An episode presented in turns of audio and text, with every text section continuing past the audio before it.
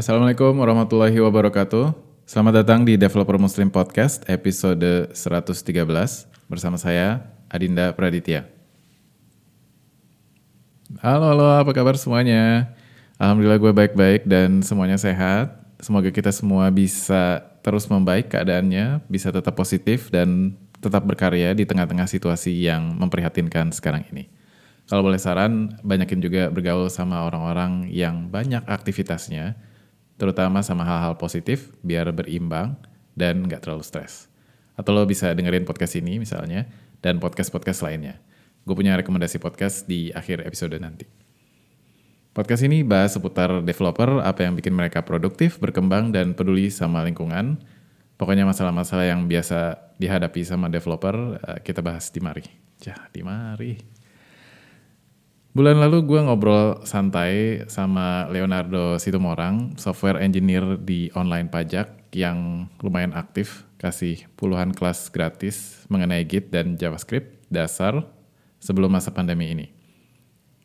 Sebelumnya beliau juga udah diundang ke podcast ini bahas knowledge management dan mental model di episode 100. Uh, eh, linknya ada di catatan episode nanti. Nah, kali ini kita ngomongin gimana caranya agar tetap relevan dengan teknologi yang terus berkembang. Topik yang udah disinggung sebelumnya sama Riza Fahmi di episode 54, jadi developer yang gak FOMO. Nah, topik ini juga memang selalu akan menarik gitu, karena strategi orang tuh beda-beda mengatasinya. Nah, yang menarik di obrolan kali ini adalah kita coba melihat dari jauh gitu ya, apa esensinya dan aspek-aspek yang mempengaruhinya gitu, supaya kita bisa menghindari dan mengatasinya secara taktis. Kita bahas empat kuadran, junior, mid, dan senior level developer sampai dinosaurus. Terus juga gimana kita menghindari supaya nggak jadi dinosaurus dan lain-lain. Pokoknya keren banget, bahasannya akan meta, tapi tenang aja kita akan santai dan pelan-pelan. Baik, ini dia obrolannya. Selamat mendengarkan. Oke, gue udah terhubung sama Leonardo Situmorang. Akhirnya gitu, kita udah uh, sempat beberapa kali uh, pengen ngobrol lagi gitu karena kayak yang kemarin tuh benar-benar seru dan seperti yang udah gue bilang uh, benar-benar membuka wawasan gue, membuka uh, cara gue ngelihat sesuatu juga. Uh, ya udah kita sapa langsung aja. Halo Leo, gimana kabar lo? Salah nanya kabar.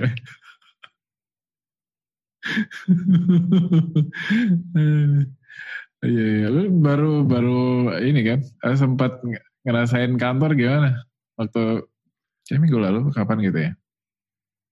Ya jadi uh, setelah berbulan-bulan di rumah gitu, akhirnya minggu lalu itu uh, minggu minggu kedua Juli berarti ya minggu kedua Juli gue dapat giliran masuk kantor gitu seminggu hmm. tim gue tepatnya ya jadi lumayan gimana ya, lumayan lumayan ganjil sih rasanya nih. Hmm. Ganjil karena karena sepi banget ya. Pertama sepi banget. Yang mana bagus gitu. Kedua uh, jadi aneh banget rasanya kalau kita di tengah kerumunan gitu. Karena karena serem sendiri gitu. Karena apa sugesti ya, sugesti. Iya, iya, iya. Orang mendaham dikit, kita langsung deg-degan gitu. Apalagi orang mesin gitu nggak pakai masker. Deg-degan parah sih gitu, gitu. jadi kayak bener, ya sebisa mungkin kalau masih bisa di rumah di rumah aja sih menurutku sih. Dan selalu pakai masker kali ya itu mungkin. Ya, jadi, ya, ya. iya. Iya kalau gue gue masih di rumah sih walaupun uh, apa namanya ya di Singapura juga udah mulai dilonggarin dan apa ya uh, ya gue nasib gue jadi lumayan dipikirin gitu. Uh, apa namanya? Karena yang lain-lain juga remote gitu. Masalah masalah iya. Jadi um, pernah waktu itu apa ya mungkin kayak company lunch atau apa gitu terus akhirnya uh, gue dikasih voucher grab kayak gitu-gitu. Ya lumayan. Oh. tadinya gue cuma ngeliatin doang atau apa gitu kan. Iya iya, iya. Iya, terus uh, terakhir gue ngomong itu kan kayak itu kan lumayan banyak banget kan ya yang kita omongin gitu. Kayaknya uh, gue pengen bahas pelan-pelan. Um, sebenarnya emang mungkin kalau misalnya gue tarik benang merahnya mungkin emang gimana kita ngatur uh, apa pengetahuan yang kita udah dapat atau gimana kita belajar supaya uh, ya supaya ng ngikutin perkembangan inilah teknologi yang ada gitu kan atau mungkin ya untuk uh, supaya stay relevan gitu jadi um, kita coba uh, ngobrolin ini. Uh, gimana enaknya mulai mulai dari mana ya? Mungkin kalau dari uh, kalau dari sebenarnya kayaknya mungkin kesadaran untuk uh, stay relevan itu nggak tahu kalau kalau gue pribadi kadang-kadang uh, ya itu tergantung sama uh, kerjaan kita oke okay atau enggak sih, regardless uh, itu pekerjaannya membosankan atau enggak. Jadi kalau lo dapat, uh, maksudnya terima gaji mungkin atau apa, yang lain-lainnya oke, okay, terus uh, ya apa yang lo rencanain berhasil, kayaknya ini banget, muluk-muluk banget ya. Cuman mungkin itu yang bisa jadi salah satu faktor yang uh, kita lupa kalau kita harus stay relevan, uh, kita nggak bisa uh, apa namanya nggak bisa begitu-begitu terus tanpa belajar atau tanpa uh, melakukan sesuatu gitu ya. Mungkin karena gue inget kan yang lo lihat uh, apa kasih kuadran itu yang dinosaurus terus gue bilang gue akan kayaknya bakal-bakal uh, mirip-mirip gejalanya sama gue gitu kan. jadi mungkin dari dari situ juga gitu ya. Um, gimana gitu? Kalau kalau menurut lo sendiri gimana? Uh, jadi apa ya uh, sebenarnya ini tepat banget sih kayak gue punya jadi sesuai dengan topik obrolan kita ini kayak how to stay relevant kan ceritanya kan mm-hmm. uh, jadi gue coba buat sebenarnya ini materi untuk kelas-kelas gratis yang gue buat juga sebenarnya mm-hmm. jadi selain jadi kalau misalnya ingat terakhir itu kan kita ngobrol sebenarnya dari awal uh, lo approach gue itu kan gara-gara gue waktu itu sering bikin kelas Git, kelas yeah. JavaScript di Twitter yeah, kan. Yeah, kan yeah, itu yeah. sebenarnya entry point yang kita kenal kan sebenarnya kan. Nah gitu. Betul. Jadi uh, terus gue pikir gue bisa sharing apa lagi nih ke orang-orang gitu. Ya kan. Terus kayak uh. terus ada satu topik yang sempat juga kita bahas di obrolan sebelumnya itu knowledge management. Hmm. Itu. Nah lalu topik ini, topik knowledge management ini sebenarnya udah sorry sebenarnya apa ya kayak sangat berkesan buatku kayak gitu. Hmm, iya iya. Kayak gue amat sangat gue amat sorry gue amat sangat terkesan banget sama topik ini sejak gue tahu tentang knowledge management di di bangku kuliahan hmm. gitu-gitu. Gue dulu belajar ini di binus gitu kan. Yeah, Walaupun yeah. drop out dari situ. anyway, nah jadi kenapa kenapa ini uh, kenapa kayak kenapa kok gue uh, kepikiran untuk bikin kelas ini? Karena kok sayang banget gitu. Ini ada topik yang sebenarnya sangat meta gitu dan orang khususnya di, di di lingkungan kita di Indonesia ya developer Indonesia itu jarang banget bahas ini gitu. Jarang banget bahas ini. Yeah, yeah, yeah. gitu. Kenapa kenapa kok bisa sayang banget topik se, se menyenangkan ini seseru ini dan semeta ini dan bisa membantu kita banget, banget. Tapi kenapa kok uh, jarang banget ada yang angkat ke permukaan kayak gitu kan? Terus yeah, yeah terus mendem itu bertahun-tahun di pikiran gue kayak kayak gimana caranya kayak gimana caranya nges, apa berbagi topik ini ke orang-orang gitu. Gitu hmm. gue itu selalu problem gue kayak, kayak gimana caranya gue bisa berbagi topik knowledge management ini ke orang-orang gitu? Gue pernah coba tawarkan topik ini ke komunitas yang terlalu teknis gitu niche uh, gitu uh, kayak uh. Jakarta JS gitu misalnya oh, okay. dulu ditolak gitu karena ya di satu sisi masuk akal juga gitu siapa yang mau dengar knowledge management orang kan pedulinya cuma library framework gitu-gitu yeah, kan. Yeah, yeah, mereka yeah. pengen mereka datang Jakarta karena teknologinya gitu. Uh. Padahal sebenarnya menurutku hal-hal meta ini hal-hal yang apa soft skill gitu-gitu. Iya, yeah, iya. Yeah. Itu sebenarnya penting banget juga sebenarnya untuk orang-orang aware gitu. Menurutku pribadi. Iya. Yeah. Gitu. Nah, jadi setelah setelah gue punya dua kelas yang tadi gue sebutkan itu Git sama JavaScript fundamental, terus gue pikir gue bisa bikin apa lagi oh ya akhirnya akhirnya gue coba susun itu pelan-pelan sama bertahun-tahun ini kayak dikit-dikit dikit-dikit dikit sehingga akhirnya adalah satu materi materi presentasinya, materi, materi kelasnya uh. untuk ngajarin si knowledge management ini. Yeah. Cuma narasinya gue buat itu agak berbeda, gitu. Berbeda dengan? Berbeda bukan bukan melulu bukan bukan berangkat dari knowledge management ya, tapi kayak lebih dekat ke ke tiap kita programmer gitu. Problem kita kan satu titik kan, yeah, yeah, problem yeah. kita programmer kan tiap hari tuh ada yang baru, tiap hari ada yang baru gitu. Benar. Apakah semua murid perlu pelajari gitu? Kan enggak kan?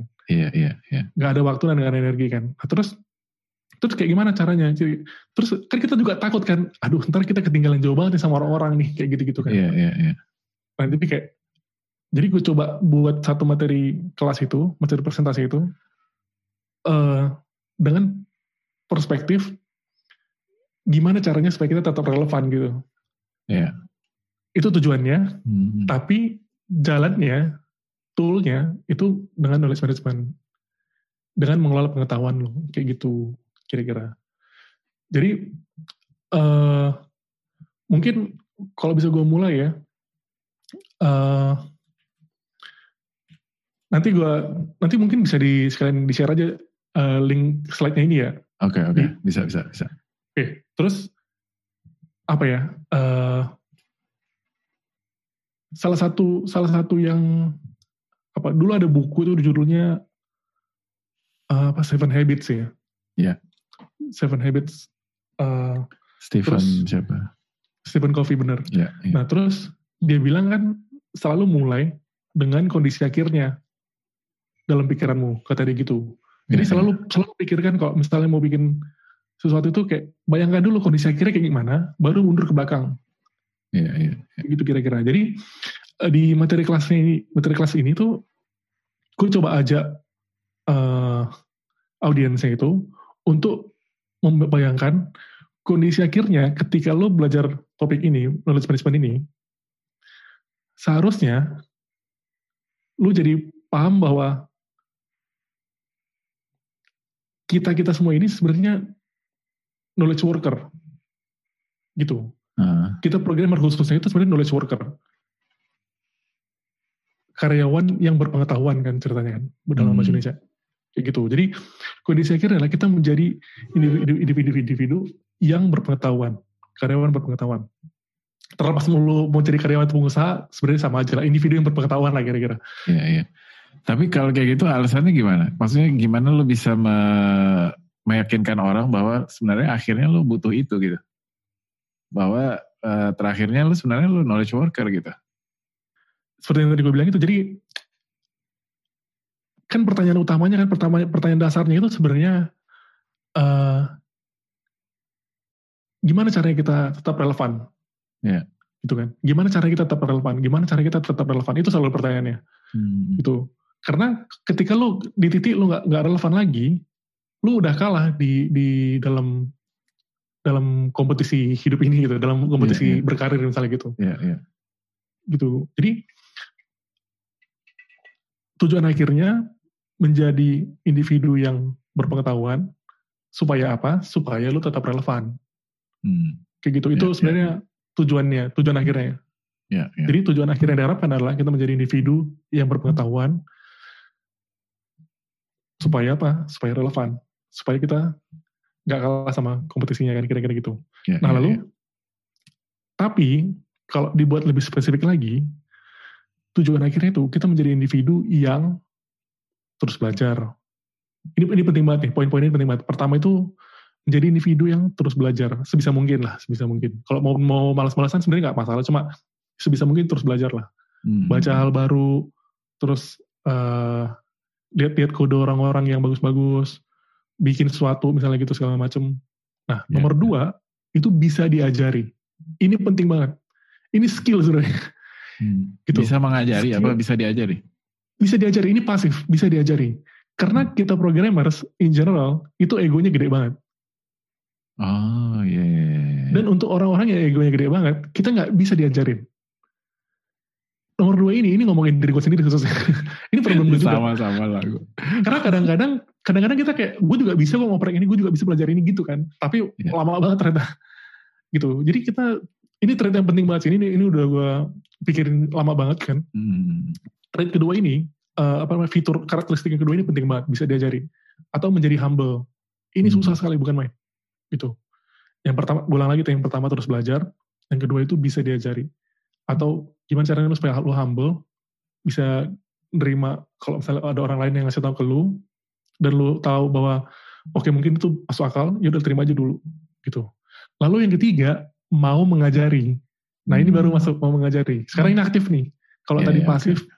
Ini sekarang aktif mau mengajari lalu yang keempat itu ini penting banget banget banget. Ini gue perhatiin nih dari semua orang yang jago-jago itu nomor empat itu ngoprek.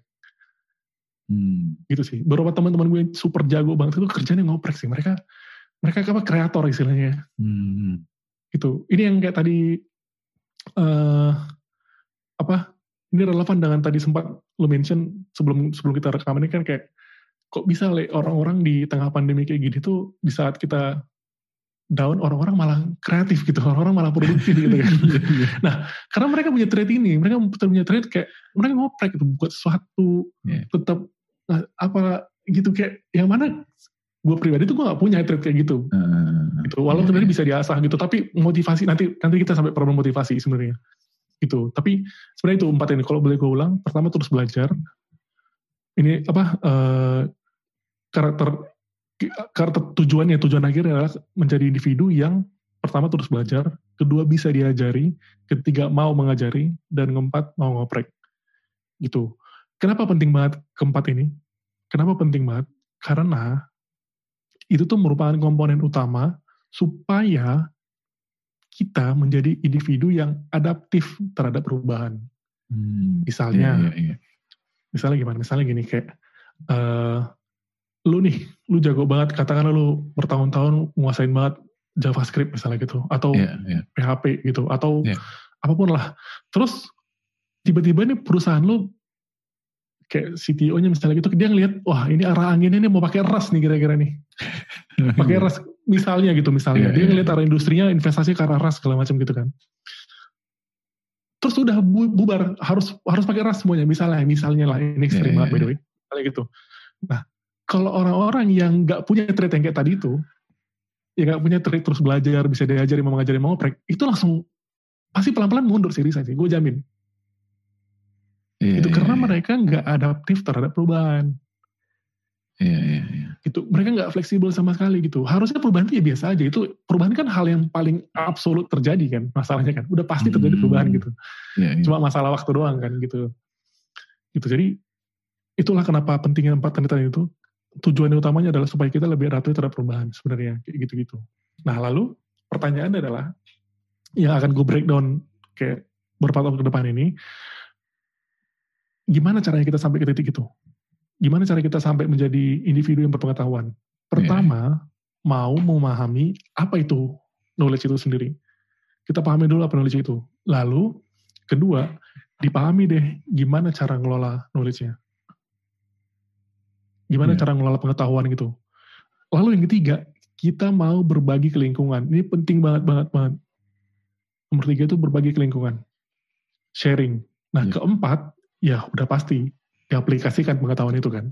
Iya, iya. Kalau nggak diaplikasikan pengetahuan sia-sia sebenarnya, gitu kan. Nah, oke. Okay.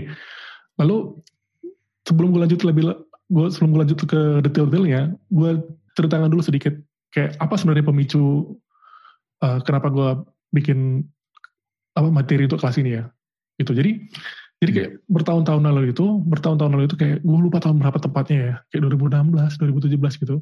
Jadi ada ada kayak semacam tech meetup gitu uh-huh. di di Jakarta Pusat kan. Itu hari kerja, itu malam-malam jam 7 malam. Jadi uh. lu bisa bayangkan 2016 2017 orang-orang sepulang kerja itu harus ke Jakarta Pusat jam 7 malam. itu ekstrim, Pak. Itu, iya, iya. Ya kan? Itu ekstrim. Itu kayak macetnya itu kan nggak bayang kan, kayak gitu-gitu uh, kan. Iya. Nah, terus uh, terus kayak yang menarik adalah tempat itu, tempat teh meetup itu, itu tuh penuh. Itu full house. Itu. Itu yang bikin gue kayak, orang-orang ini apa ya yang memotivasi mereka ya? Hmm. Gitu. Apa ya apa yang jadi drivernya mereka kalau sampai mereka mau datang gitu? Apakah yeah, makan yeah. malam gitu? Yeah. bukan kan? Iya yeah, maksudnya gue baru mau ngomong maksudnya ya even makan malam yang lumayan enak pun juga jadi nggak worth it dengan macetnya dan uh, apa yang lo harus lalui gitu kan. Belum pulangnya juga gitu harus malam-malam segala macam. Bener banget gue setuju. gue setuju. Apakah apakah setimpal sebenarnya itu berdua? Ya kan makan malam itu apakah setimpal dengan dengan macet-macetnya gitu dan effort sebanyak itu kayak gitu. Jadi terus gue pikir itu kayak lama banget tuh mendengung dalam kepala gue gitu kan. Kayak setelah gue pikir-pikir pikir segala macem apa yang motivasi orang-orang ini? Terus gue terus gue coba deh uh, tulis gitu kan. Oh kiri mungkin mungkin orang-orang itu gue coba proyeksikan ke orang lain kan. Mungkin hmm. ya mereka coba belajar dari orang lain lah. Mungkin kalau belajar dari orang lain bisa jadi individu lebih baik mungkin kan. Yeah. terus kayak mungkin mereka networking aja nih biar dapat kerjaan yang lebih bagus duitnya misalnya gitu masuk yeah, akal kan yeah. nah mungkin juga kayak wah gue haus banget pengetahuan nih gitu gue masih noob nih gue masih baru banget di industri ini gue pengen terekspos sama hal-hal yang baru bleeding edge gitu-gitu atau yang apalah orang-orang yang lagi adopsi yang lagi hot misalnya, misalnya gitu kan yeah, yeah, nah, yeah. tapi tapi yang paling penting banget buatku menurutku alasan orang-orang itu datang itu sebenarnya tanpa mereka sadari mereka tuh pengen tetap relevan sebenarnya. Iya. Yeah. Itu ini yang paling penting. Kayak fundament kayak deep down kita tuh khawatir banget kalau kita tuh nggak nggak nggak terexpose gitu, nggak nggak tahu, nggak aware, nggak paham gitu-gitu. Kita takut uh, banget sebenarnya, karena kita takut kalah kan sama orang lain kan misalnya gitu kan. Yeah, karena karena mempengaruhi uh, kelangsungan hidup kita gitu misalnya gitu, saya yeah, ekstrimnya. Yeah gitu kan. Kayak apa istilahnya sekarang FOMO FOMO gitu fear of missing out gitu kan. Yeah, yeah, yeah. se ekstrim itu cuma kira-kira gitulah uh, hmm. lebih kurang. Jadi yang pengen gue bilang tuh menurutku pribadi motivasi orang-orang itu di dasarnya banget sebenarnya tuh kayak mereka pengen tetap relevan sebenarnya itu mereka butuh kita butuh untuk tetap relevan kita pengen tahu orangnya tuh ngoprek apa sih di, di tempat kerjanya gitu kita pengen yeah, tahu yeah, itu yeah.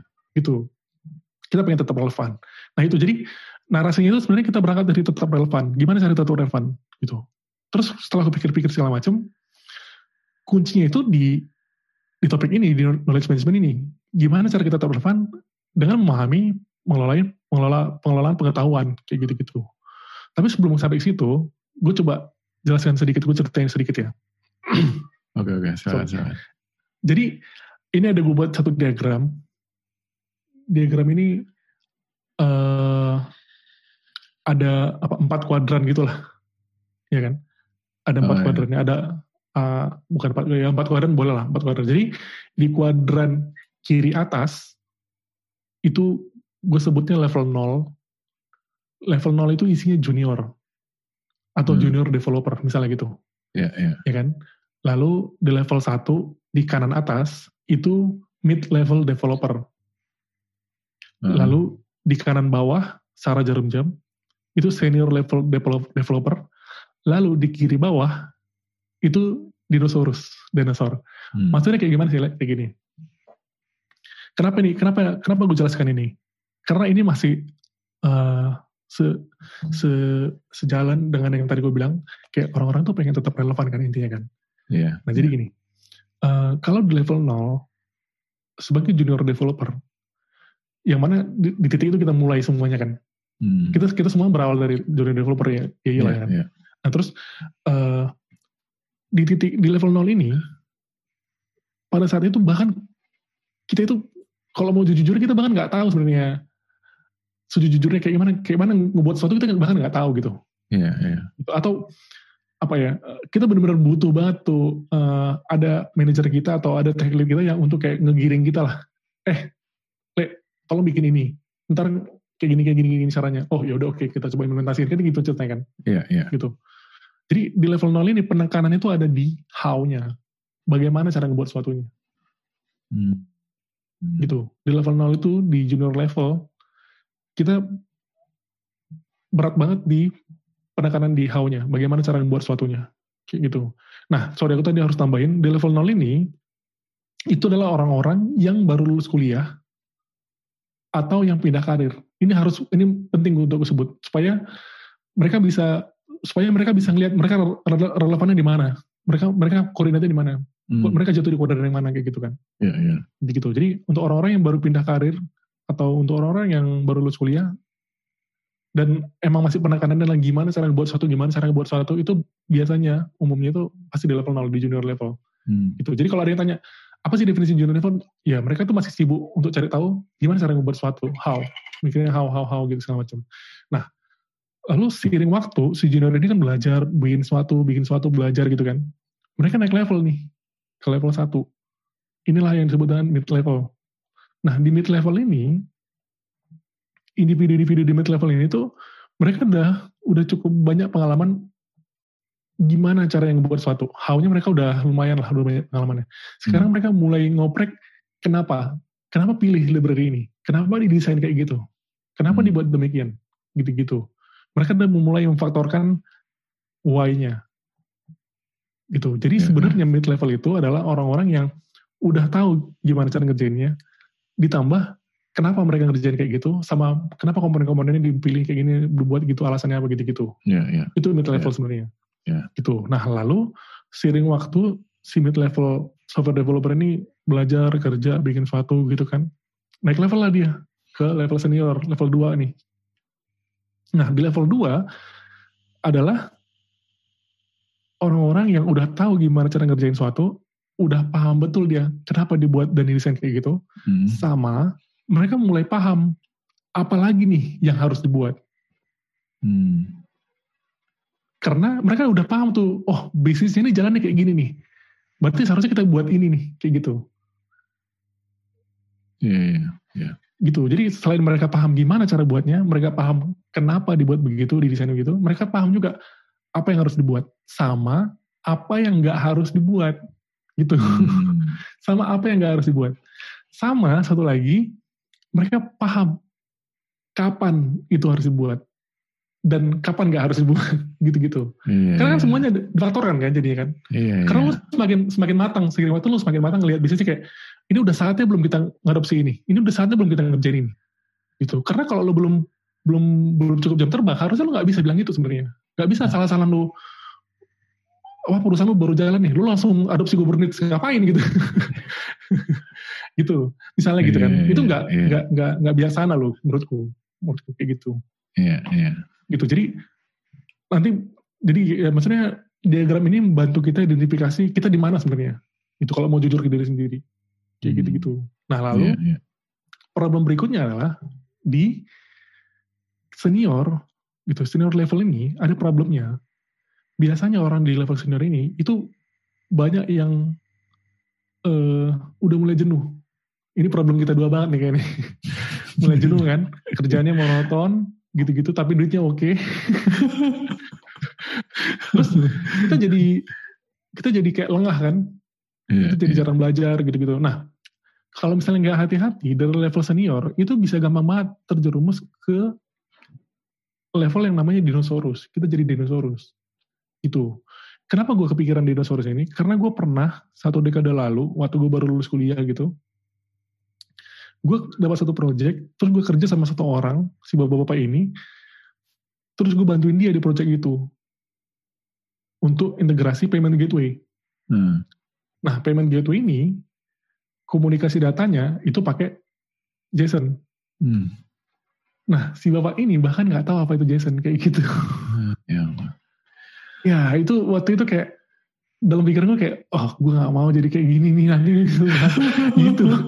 serius kan gak mau jadi gini cuma cuma sebenarnya kalau kita pikir-pikir itu gimana ya masalah gini sih uh, katakanlah katakanlah katakanlah ini dari pengalaman gue pribadi misalnya yeah, gue yeah, yeah. gue kayak dari mulai 2004 itu sampai 2014 gue pakai PHP Berarti kayak hmm. leses, ah, morales itu 10 tahun lah. Ya, ya, ya. Profe, profesionalnya mungkin cuma 4 tahun sebenarnya. Tapi kayak proyek-proyek segala macam tuh 6 tahun gitu kan. Semasa kuliah, semasa di awal-awal gitu. Nah, terus masalahnya gue berhenti pakai PHP. Karena hmm. waktu itu gue lihat arah industrinya ke JavaScript. Yeah, which is true, yeah. right? Yeah, nah, yeah, yeah. nah mas masalahnya adalah sekarang tuh berubah lagi kan. Ini kan industri ngedikte kan. Iya, yeah, iya. Yeah. Nah, bukannya kita nggak kompeten, masalahnya kan apa ya kita harus belajar belajar kan itu pertanyaannya. Iya, iya. Kan bener nggak? Jadi, jadi tantangan tantangannya tantangannya kalau misalnya lu yang dengerin adalah junior developer sekarang fresh graduate, tantangannya adalah apakah lu siap untuk belajar terus nanti ngikutin selera industri gitu kok apalagi kalau emang lo seneng seneng programming gitu Iya, Gitu. iya. masalahnya adalah di satu titik kan kita jenuh kan jenuh itu manusiawi kan Benar. gitu jadi kayak Benar. nah gue gak nyalahin dinosaur ini sebenarnya cuma lebih kayak ke jadi kayak bahan renungan gitu. Jadi kayak gue gak mau jadi dinosaur gitu. Gue gak mau bahkan sampai gue gak tahu kayak semacam standar di industri gitu Jason gitu. Kan lumayan dari standar kan. Iya, dari dulu dari iya. standar sebenarnya Jason kayak Iya, gitu. iya. kok bisa dia nggak tahu gitu itu parah banget sih. Gitu gitu. Nah lalu Iya. iya jadi yang dinosaur ini adalah orang-orang yang yang udah kenyang jadinya. Iya. gitu. Kayak Iya, iya. kalau udah kenyang itu udah susah sih. Gitu. Ini gue gue pribadi tuh ini gue nggak mulu-mulu gue pribadi gue ngeliat tren kayak gini di gue sendiri gitu Hmm. yang mana bahaya banget gitu. Iya, iya.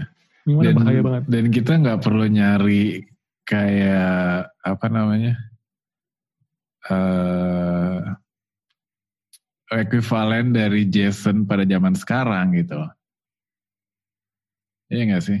Maksudnya untuk menentukan bahwa kita dinosaur atau enggak, kita nggak perlu nyari kayak Jasonnya yang sekarang tuh apa yang kayak misalnya orang tahu kita nggak tahu terus kita menjadi dinosaur gitu. Karena eh, sebenarnya kita nggak perlu peduli sama itu asalkan kita tetap terus belajar ya udah otomatis lu bukan dinosaur gitu kan Iya gak sih Mas Sokal, benar. Sebenarnya itu benar.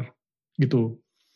Jadi misalnya kayak gini lah, misalnya kayak lu lagi hangout nih sama anak-anak muda gitu kan, terus mereka ngomongin istio misalnya gitu.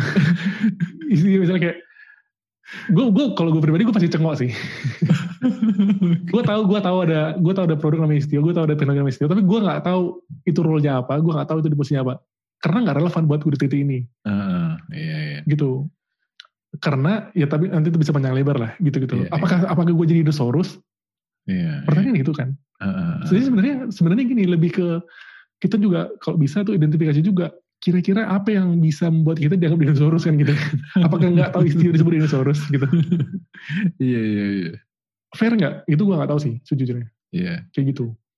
Iya tadi yang Oke. yang gue bilang tadi gitu kadang-kadang em, ya harusnya kita nggak perlu mikirin itu gitu karena eh, selama kita tetap belajar yang relatively nggak apa ya nggak old school mungkin atau yang udah nggak nggak dipakai karena dia nggak optimize misalnya ya kan Em, kalau menurut gue itu sih maksudnya ininya tolong ukurnya bukan bukan bukan apanya bukan sub- subjek eh, pengetahuannya gitu Betul. Itu makanya itu makanya temanya temanya ini kan how to stay relevant Iya iya dengan knowledge management kan. iya Nah, Iya. poinmu kan sebenarnya kan kalau kita terus belajar, sebenarnya kita nggak usah takut sebenarnya. Iya iya. Kita kita sebenarnya nggak perlu takut untuk jadi dinosaurus sebenarnya. Karena kita terus terus belajar kok sebenarnya sejujurnya gitu. Iya iya kan itu sebenarnya intinya kan kayak Iya, gitu. iya. sekarang gue lanjut ya. Jadi jadi kayak sebenarnya eh, materi ini sorry gue ngomong sebenarnya terlalu banyak. Materi ini materi eh, how to stay relevant ini knowledge management ini salah satunya adalah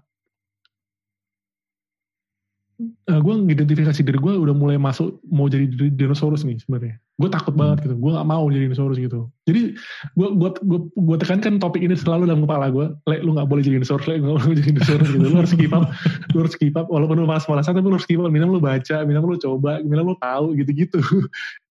Nah jadi eh apa ya penyebab penyebab penyebab gue bikin materi ini sebenarnya karena gue takut jadi dinosaurus sejujurnya. Tapi gue tahu solusinya apa sebenarnya kan. Solusinya adalah ya knowledge management kelola pengetahuan lu lu terus belajar gitu nah Iya, iya. lalu apa sebenarnya itu knowledge management kan itu pertanyaannya kan Iya.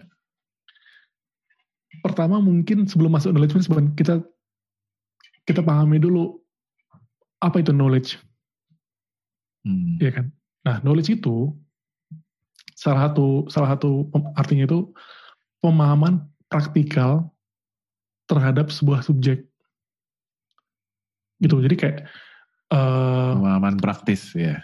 Pemahaman praktikal. Biasanya itu didapatkan ketika ketika kita melakukan sesuatu. Benar-benar kita lakukan sesuatu. Kita langsung dapat tuh knowledge-nya sebenarnya.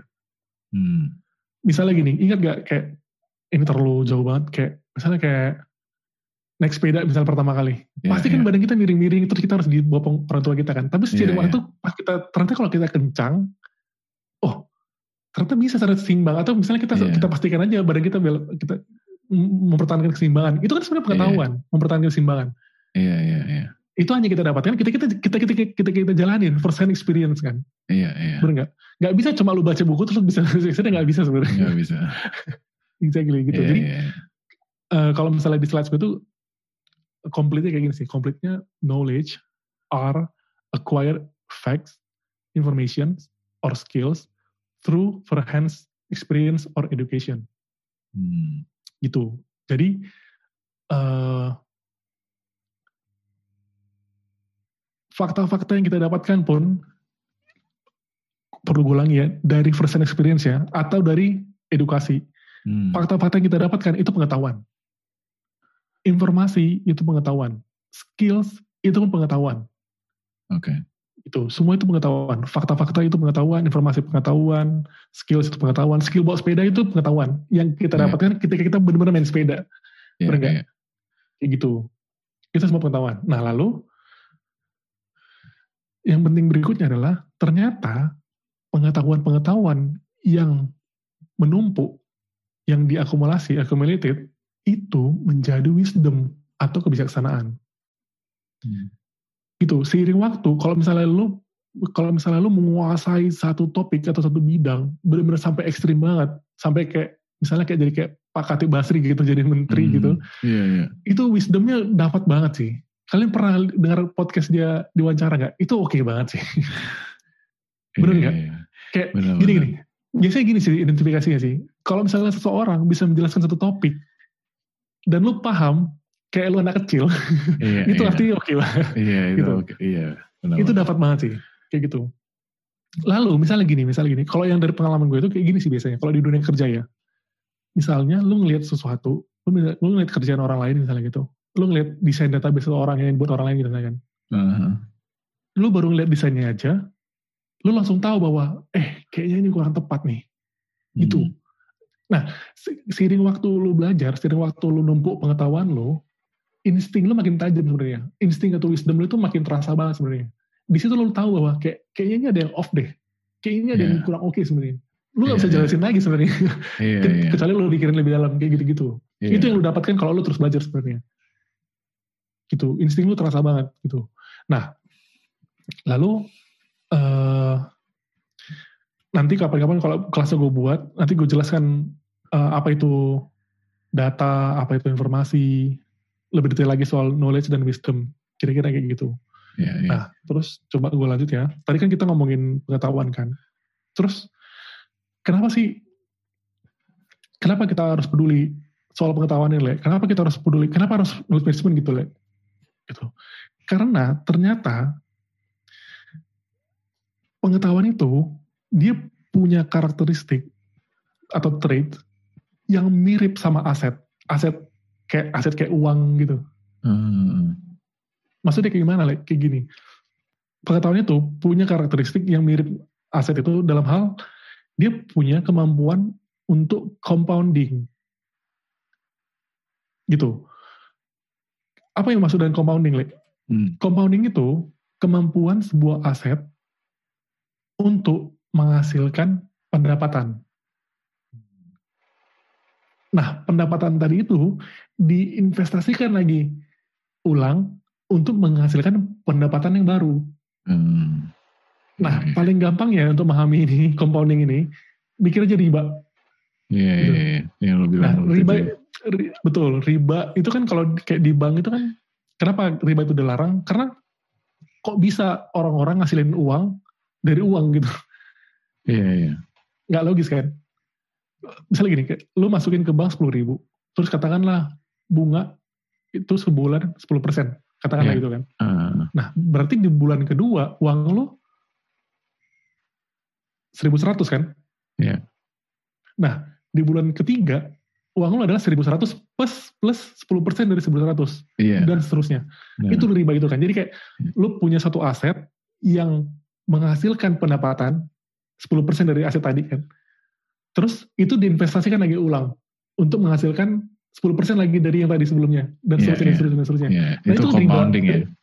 Compounding, compounding ability. Nah itu kan nggak nggak masuk akal sebenarnya kan. Yeah. Itu makanya dilarang sebenarnya. Tapi tapi tapi yang menarik adalah pengetahuan pun punya efek yang sama. Gitu. Hmm. Pengetahuan itu yeah, pun yeah, yeah. punya kemampuan yang sama. Misalnya gini, misalnya kayak pernah misalnya gini kayak kalau misalnya kita pengen belajar sesuatu yang kita pengen belajar sesuatu yang sulit banget, pasti kan kita belajar dari awalnya dulu, fondasi-fondasi dulu, pelan-pelan yeah, naik, pelan-pelan yeah. naik kan. Nah, hmm. pernah nggak kalian kalau misalnya kalian belajar sesuatu dan itu mulai masuk dalam kepala kalian, terus kalian belajar belajar belajar lagi, pernah nggak kalian tiba-tiba lagi mandi gitu terus tiba-tiba muncul ide-ide yang berangkat dari pengetahuan tadi itu iya iya iya. Kayak gitu. Itu yang disebut dari komponen yang berbeda itu. Jadi pengetahuan-pengetahuan kita itu ngasilin ngasilin pengetahuan lagi yang lain. Dan terus kayak gitu pertanyaannya yeah, adalah yeah. lu belajar terus apa enggak? Kan gitu kan ceritanya. Kan yeah, gitu. yeah. ya karena karena mungkin karena uh, connected. Karena kan pengetahuan itu kan berkaitan sama kayak entitas. Jadi habis itu mungkin kita teringat lagi uh, mengenai entitas yang terkait itu. Sehingga lo muncul lagi uh, oh berarti kalau misalnya ini bisa apa gitu kan? Ya betul kan? betul. Yeah, yeah. jadi banyak kan kalian pernah lihat nggak meme-meme yang ada banyak dot terus ntar dotnya saling terhubung dirinya uh, uh, uh. Iya gak sih yang yang meme itu jadi kayak ada meme tuh yang bilang uh, dengan dengan dengan mengelola pengetahuan, lu jadi lebih baik menghubungkan dots dots, dots pengetahuan tadi itu. Lu lebih baik menghubungkan dots yang informasi dalam kepala lu, hmm. gitu. Yeah. Iya. Dibanding dengan lu nggak nggak bahkan nggak nggak mengelola pengetahuan lu, gitu. Yeah. Kalau lu sekedar baca aja, sekedar baca aja, ya masuk dalam kepala lu, tapi belum tentu belum tentu dotsnya connected sebenarnya. Iya, yeah, iya. Yeah. Kayak gitu ceritanya, yeah. kira-kira. Makanya banyak akan banyak dots yang terhubung lagi pas lo ngajarin orang ya kan betul salah satunya nanti nanti lu jelasin bagian itu iya, iya. itu itu ntar ada alasannya kenapa kayak gitu oke okay. okay. sekarang gue lanjutkan tapi gue sebutkan dulu bahwa pengetahuan itu uh, ada banyak sebenarnya tipe-tipenya cuma ada dua yang menurutku uh, sentral lah itu penting banget untuk dibahas yang pertama itu disebut tacit knowledge. Hmm. Tacit knowledge. Nah, tacit knowledge ini adalah pengetahuan yang udah terakumulasi dalam kepala kita, dalam otak kita. Yeah, yeah, tacit yeah. knowledge ini adalah pengetahuan-pengetahuan yang lu dapatkan ketika lu kerja, ketika lu membaca, ketika lu ngobrol sama orang lain, ketika lu dengar podcast ini. Yeah, yeah. Ini sebenarnya uh, lu lu lagi mengambil pengetahuan dalam kepala gue. Nah, pengetahuan dalam kepala gue tacit knowledge gue. Jadi hmm. sekarang lu lagi dengerin tacit knowledge gue ini sekarang. Sebenarnya. Hmm. Gitu. Yeah, tacit yeah. knowledge itu pengetahuan yang dalam kepala. Itu. Nah, kenapa gue jelasin tacit knowledge dulu? Karena tacit knowledge ini adalah pengetahuan yang paling penting banget gitu. Kenapa penting banget? Gini deh, paling gampang gini misalnya. Contohnya, pernah nggak kalian masuk satu perusahaan, terus kalian lihat uh, ada senior kalian atau manajer kalian di posisi-posisi atas tuh dan orang-orang itu tuh umumnya nggak bisa digantikan lagi hmm. itu bukan cuma masalah umur bukan cuma masalah profesional itu tapi bukan cuma masalah senioritas cuma karena perusahaan menyadari bahwa orang itu banyak banget pengetahuannya yeah, yeah. sehingga dia penting banget untuk kelangsungan hidup organisasi atau hmm. perusahaan. Yeah. Nah, masalahnya adalah masalahnya adalah pengetahuan itu cuma ada dalam kepalanya. Iya. Iya, iya, iya, iya. Nah, itu tacit knowledge. Kalau pengetahuan itu cuma ada dalam kepalanya, sehingga kalau dia kenapa-kenapa, bisa goyang perusahaan gitu, atau susah, nah itu bahaya sebenarnya. Gitu. Makanya knowledge itu penting banget, sentral banget, dan kalau nggak hati-hati atau misalnya untuk beberapa orang yang kurang oke okay gitu, ini bisa jadi bahan untuk politik nanti sebenarnya politik yeah. di kantor itu testing knowledge yeah. modalnya gitu testing knowledge inilah yang yang gue bolak balik bilang ini sentral banget karena testing knowledge ini juga lah yang menjadi bahan utama keunggulan kompetitif kita sebagai individu hmm. misalnya misalnya gini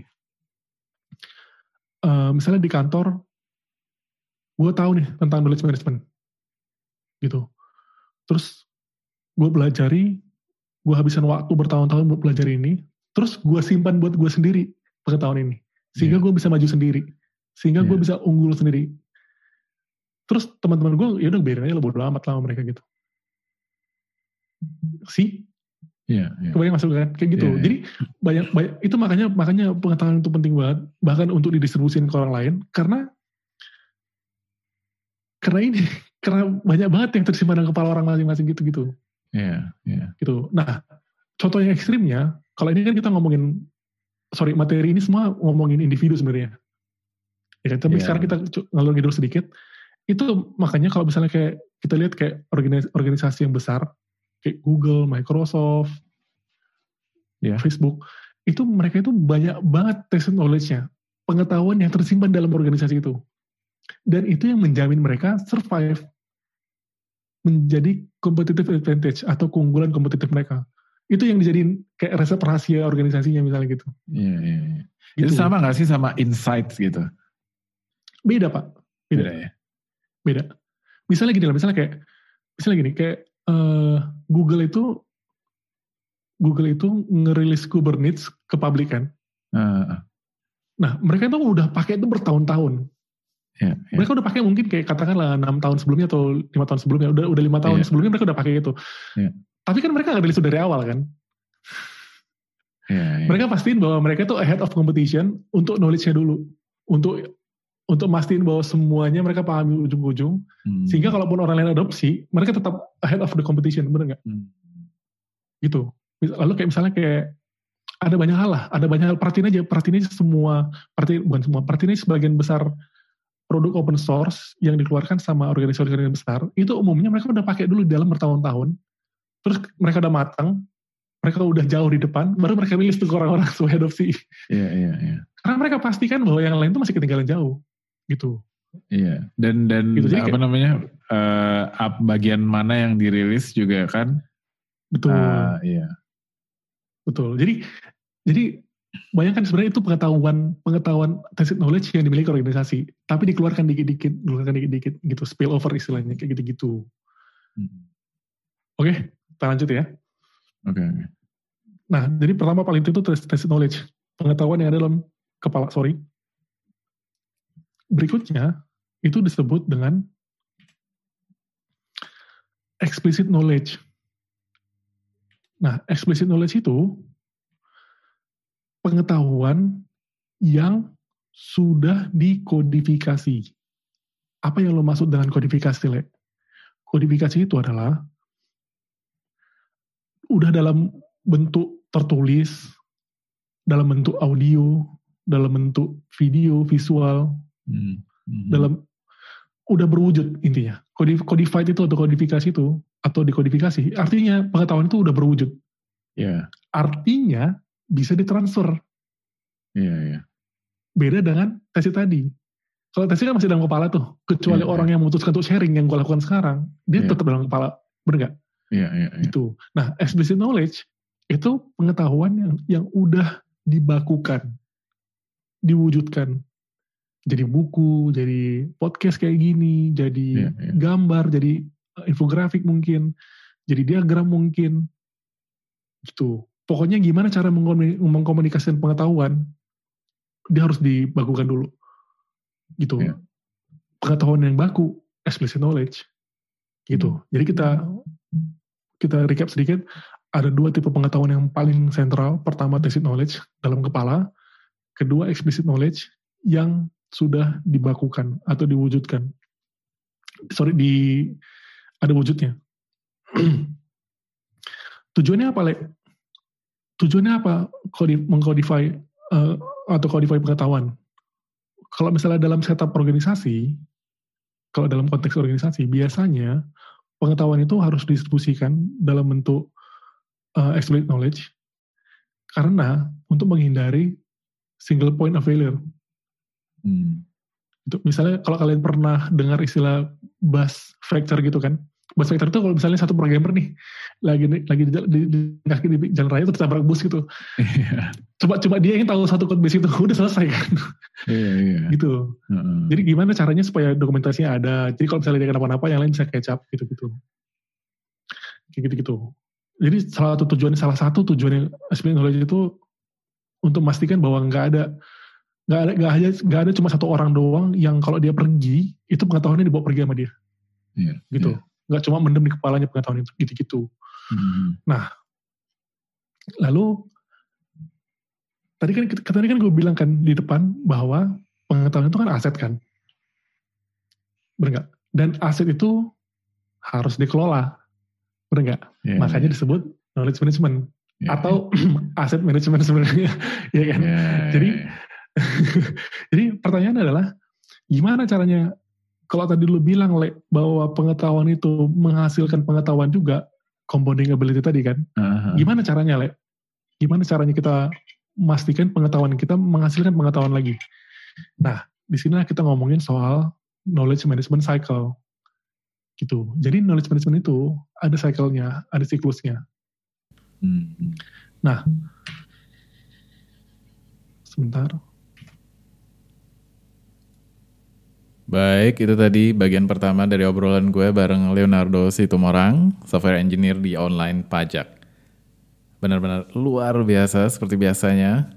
Gue saranin lo untuk dengerin ulang biar dapat pemahamannya secara mendalam.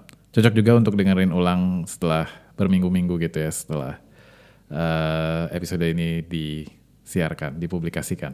Karena pas gue dengerin lagi setelah rekaman dan ada jedanya gitu berminggu-minggu bahkan mungkin berbulan-bulan. Itu jadi pengingat dan pucutan gitu buat gue.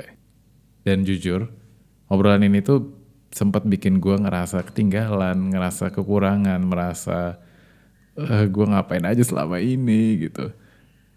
Iya cara ngatasinya cuman dengan belajar sesuatu gitu. Jadi lo harus atur lagi waktu kita terus prioritasin lagi mana informasi yang benar-benar ngaruh buat kita dan mana yang enggak gitu. Baik, itu dia uh, wejangan gue. uh, ya, karena ini bagian pertama, episode kali ini nggak ada rekomendasi dari Leo, jadi gue mau ngasih rekomendasi podcast namanya Modern Mentor dari Quick and Dirty Tips Podcast Network. Episode-episodenya lumayan singkat, kayak 10 sampai 15 menit, tapi isinya padat banget sama manfaat. Belum lama ini gue dengerin episode-episodenya yang bahas gimana menangani imposter syndrome dan gimana melihat pilihan karir tanpa mengorbankan pekerjaan sekarang. Pokoknya bagus banget, gue sangat merekomendasikan podcast ini. Namanya Modern Mentor dari Quick and Dirty Tips. Link-link yang dibahas di episode kali ini bisa dilihat di devmuslim.id slash episode 113. Silahkan kunjungi kalau ingin menelusuri lebih lanjut. Kalau lo punya pertanyaan seputar materi ini, gue dan Leo akan senang sekali menjawab pertanyaan atau tanggapan lo akan memperdalam pemahaman kita semua. Jadi gue sangat amat berharap partisipasi lo semua. Nggak ada pertanyaan atau tanggapan yang bodoh atau cupu selama itu benar-benar dari kebingungan lo dan keinginan tahu lo untuk belajar. Lo bisa kirim email ke devmuslimid at gmail.com atau DM gue langsung di Twitter atau di Instagram dengan akun yang sama at devmuslimid. Kalau lo suka dengan apa yang disajikan di podcast ini, setidaknya lo bisa bantu kasih rating yang bagus di mana pun lo dengerin podcast ini, terutama di Apple Podcast dan Google Podcast. Lo bisa ke anchor.fm slash devmuslimid untuk mendukung operasional podcast dengan memberikan donasi bulanan mulai dari satu dolar. Apa pun itu akan sangat berarti buat podcast ini dan para pendengar sekalian di tanah air kita tercinta. Buktikan kepedulian dan dukungan lo untuk podcast ini. Terima kasih secara khusus gue sampaikan untuk Mas Wibawa selaku editor. Baik, gue pamit dulu sampai di episode Developer Muslim Podcast berikutnya, insya Allah. Wassalamualaikum warahmatullahi wabarakatuh.